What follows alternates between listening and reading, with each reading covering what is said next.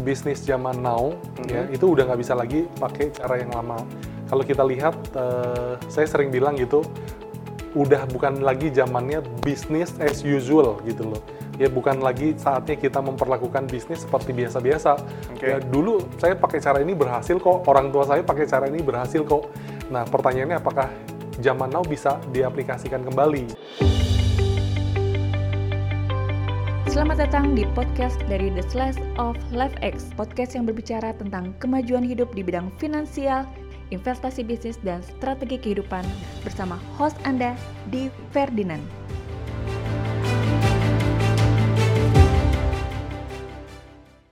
Bro Paulus, apa kabar bro? Good to meet you here. Yes. Sorry about the delay. Oh, ya. it's okay. A Great bit to meet technical.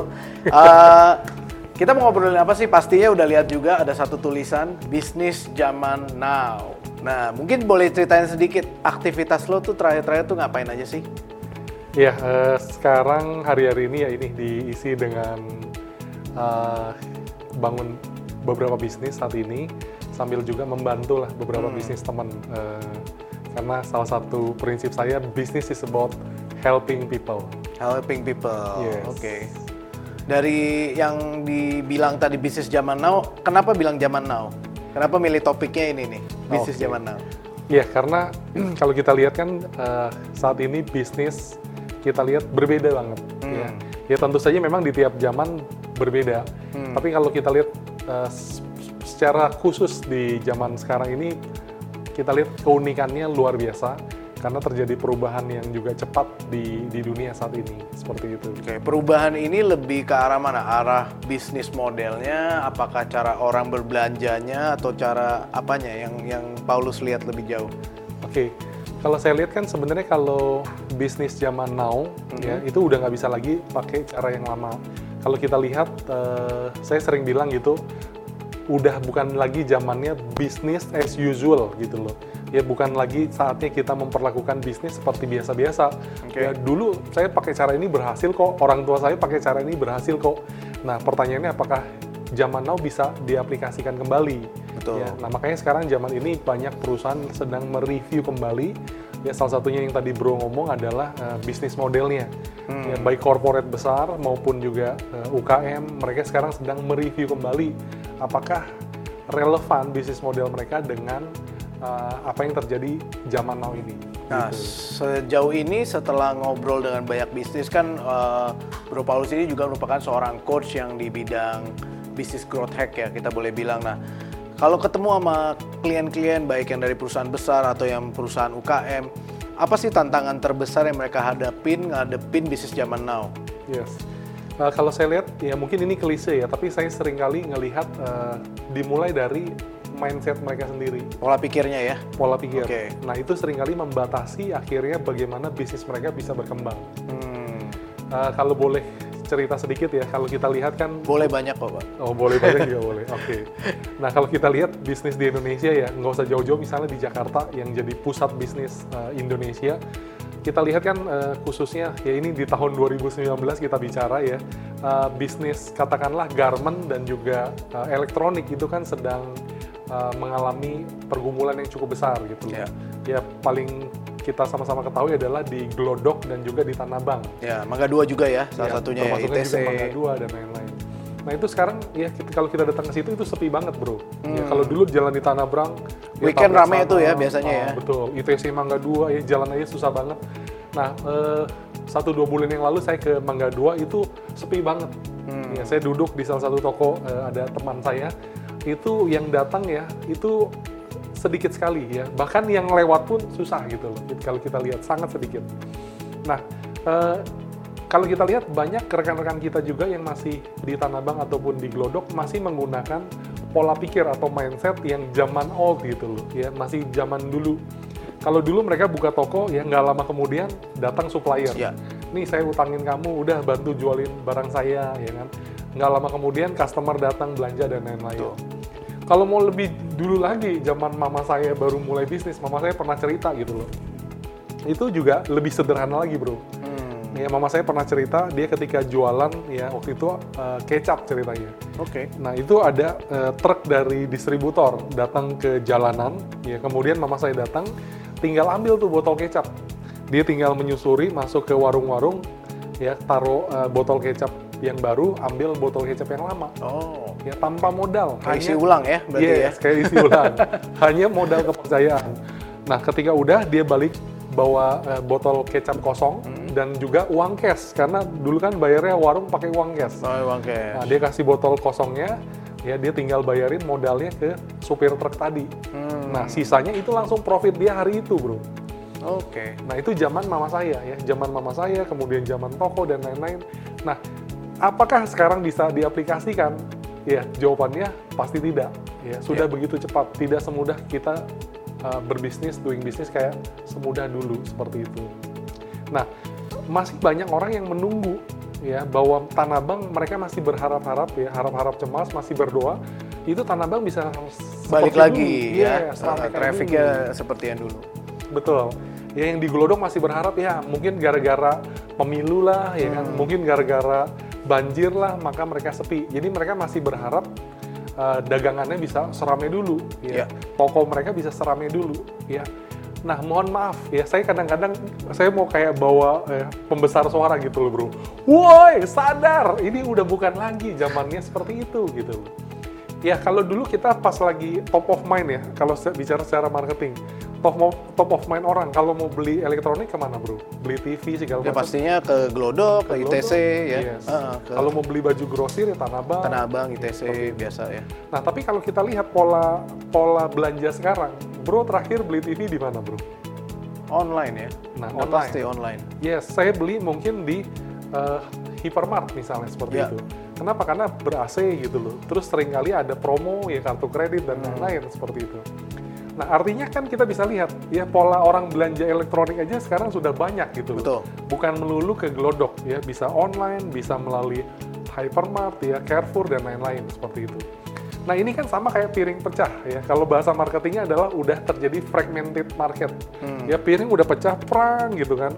Sebagian belinya melalui online ya, belinya di mall, ya mungkin sebagian masih beli di toko-toko ya, udah pecah gitu loh. Hmm. Nah, bagaimana ini mau dikumpulkan kembali, Bro? Ya, Kembali seperti dulu. Nah, ini tentu saja sangat sulit. kecuali memang nantinya orang nggak pakai teknologi, which is quite impossible ya untuk this era ya, apalagi yang milenial. That's gitu right. juga. Nah kita lihat eh, mereka masih menanti-nanti itu bertahun-tahun. Ya. Hmm. Tahun ini cerita ya tadi yang seperti saya sampaikan dia masih sepi mungkin gara-gara pemilu ya. Tahun depan kemudian saya nanya lagi gimana kabarnya masih sepi mungkin gara-gara banjir.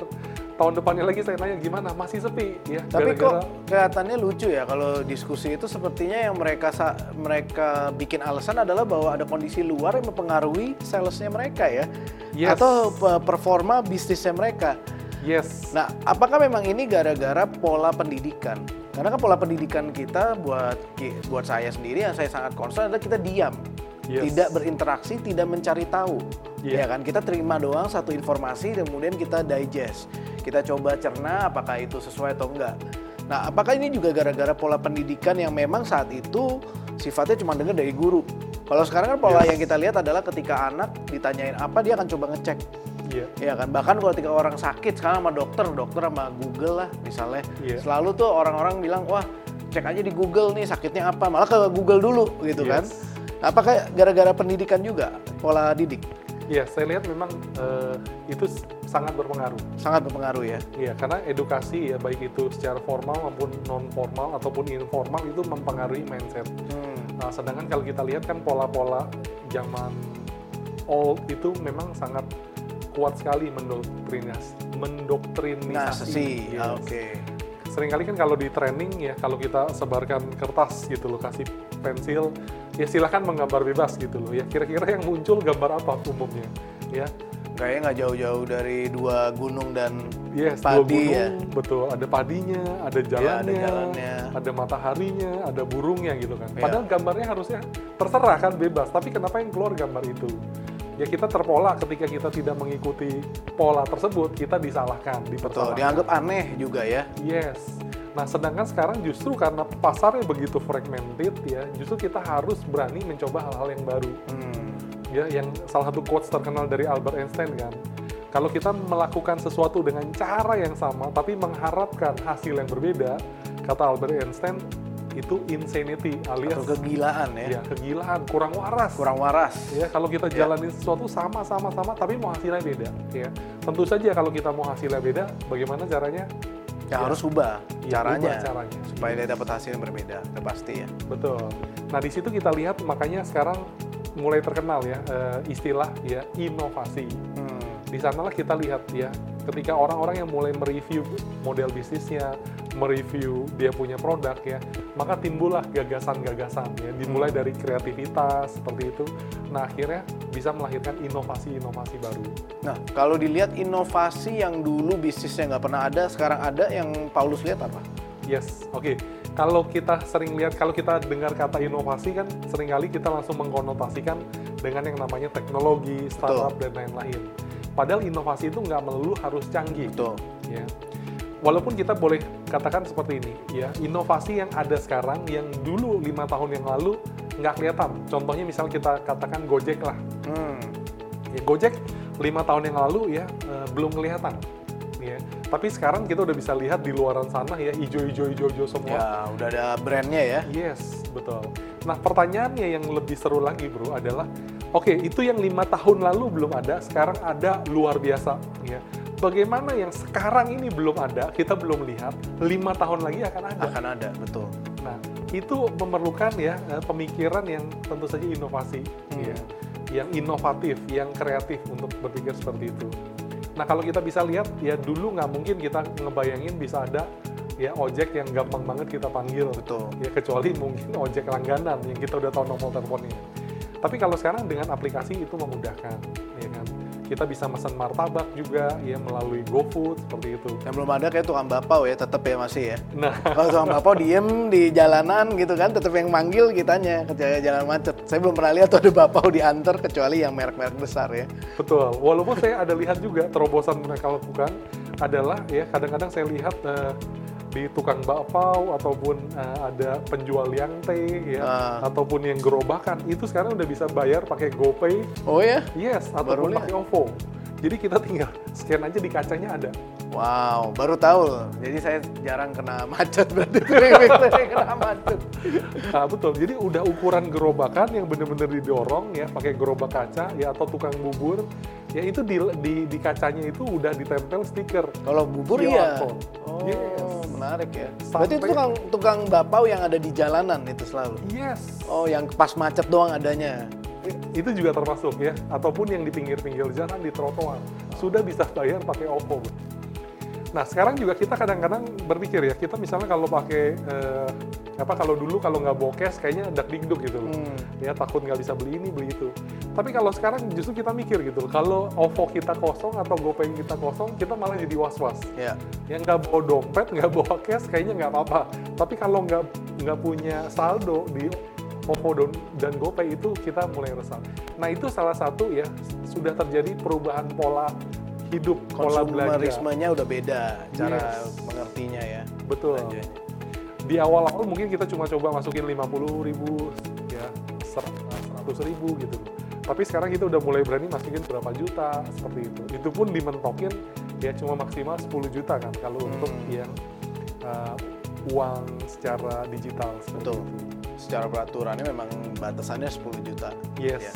Oke, kalau kita ngobrol nih sekarang apa sih syaratnya kita udah mau hampir eh, penghujung acara kita juga apa sih syaratnya untuk bisnis yang masih berjalan sekarang lagi bingung ngadepin perubahan bisnis zaman now Yes. kira-kira sih dari Paulus sendiri apa yang mesti dilakuin Iya. strateginya apa betul Uh, nomor satu sih kita yang tadi saya sampaikan kita perlu punya mindset yang benar dulu Hmm. Ya karena ketika kita punya mindset yang benar kita akan mencari solusi. Ya dan apalagi sekarang ini zamannya overwhelmed dengan segala macam informasi ya kita mau cari apa pun di YouTube ada. Ya nah tapi semua itu kita sediakan semua pun tapi kalau mindsetnya belum jelas juga ya nggak akan masuk ke dalam otaknya gitu. Jadi mindset kita harus jelas dulu ya. Kita mau berubah ya karena di luar sana sudah berubah ya kan dan berubahnya bukan sekedar berubah tapi berubah dengan sangat cepat saat-saat ini berarti membiasakan diri untuk selalu melihat perubahan dan beradaptasi dengan perubahan That's right. Ya, oke. Nah, itu yang ke satu ya. Jadi ketika mindsetnya benar, ya maka kita akan mulai terbuka dengan hal-hal baru. Kita akan mencari dan mendapatkan hal-hal yang baru seperti itu. Itu yang ke satu. Yang kedua, ya mulailah kita melakukan uh, tindakan-tindakan tadi. Kita mereview bisnis plan kita, ya kan kita beradaptasi, ya bisnis kita beradaptasi, diri kita dimulai dengan diri kita beradaptasi, bisnis kita beradaptasi. Oke, dengan zaman sekarang ya, apakah relevan ya pola belanja, uh, pola jualan saya, pola bisnis saya, apakah relevan seperti itu? Ya dengan uh, customer yang berbeda ya. Ya mungkin uh, di video berikutnya kan kita akan bicara ya kan bagaimana dengan generasi milenial Ya, ya, yang punya menghadapi gaya konsumerismenya mereka gitu ya. Yes, dengan pola pikir yang Betul. berbeda, ya dengan generasi di atasnya, generasi X, bahkan generasi Z seperti itu. Nah, bagaimana uh, kita secara bisnis ya uh, bisa beradaptasi itu? Hmm. Nah, itu namanya makanya kita harus menyadari bahwa bisnis zaman now itu unik ya. Saya nggak bilang ini paling canggih ataupun paling hebat ya, karena kita nggak pernah tahu ya 10 Apa tahun lagi ya, itu. we never Betul. know ya. Tapi yang pasti ini dengan keunikannya kita harus siap beradaptasi seperti itu. Oke. Uh, untuk teman-teman yang memang masih banyak pertanyaan, jangan lupa untuk di komen. Uh, kita tunggu komennya supaya kita bisa bantu nanti Coach Paulus juga atau Bro Paulus ya, lebih sering sebutnya uh, akan banyak ngobrol. Nah, kita di segmen berikutnya kita akan banyak bicara tentang generasi milenial. Jadi kalau ada yang penasaran, nanti akan cek linknya. Kita punya link tambahan di sini untuk yang mau tahu lebih banyak tentang generasi milenial, bagaimana menghadapi bisnis untuk mereka, marketnya yang milenial ya. Yes. Dan kira-kira nih Paulus boleh nggak sharing ke teman-teman? Kalau mau follow Paulus, mau tahu informasi lebih lanjut tuh ke mana sih? Oke, eh, teman-teman bisa akses Instagram saya di Pau Paulus ya. Papa Alpha Oscar ya Papa Alpha Papa. Oscar. Oke, Ya, betul. jadi PAO Paulus ya Paulus. Instagram saya. Silakan kalau ada pertanyaan ya ataupun mau DM saya monggo.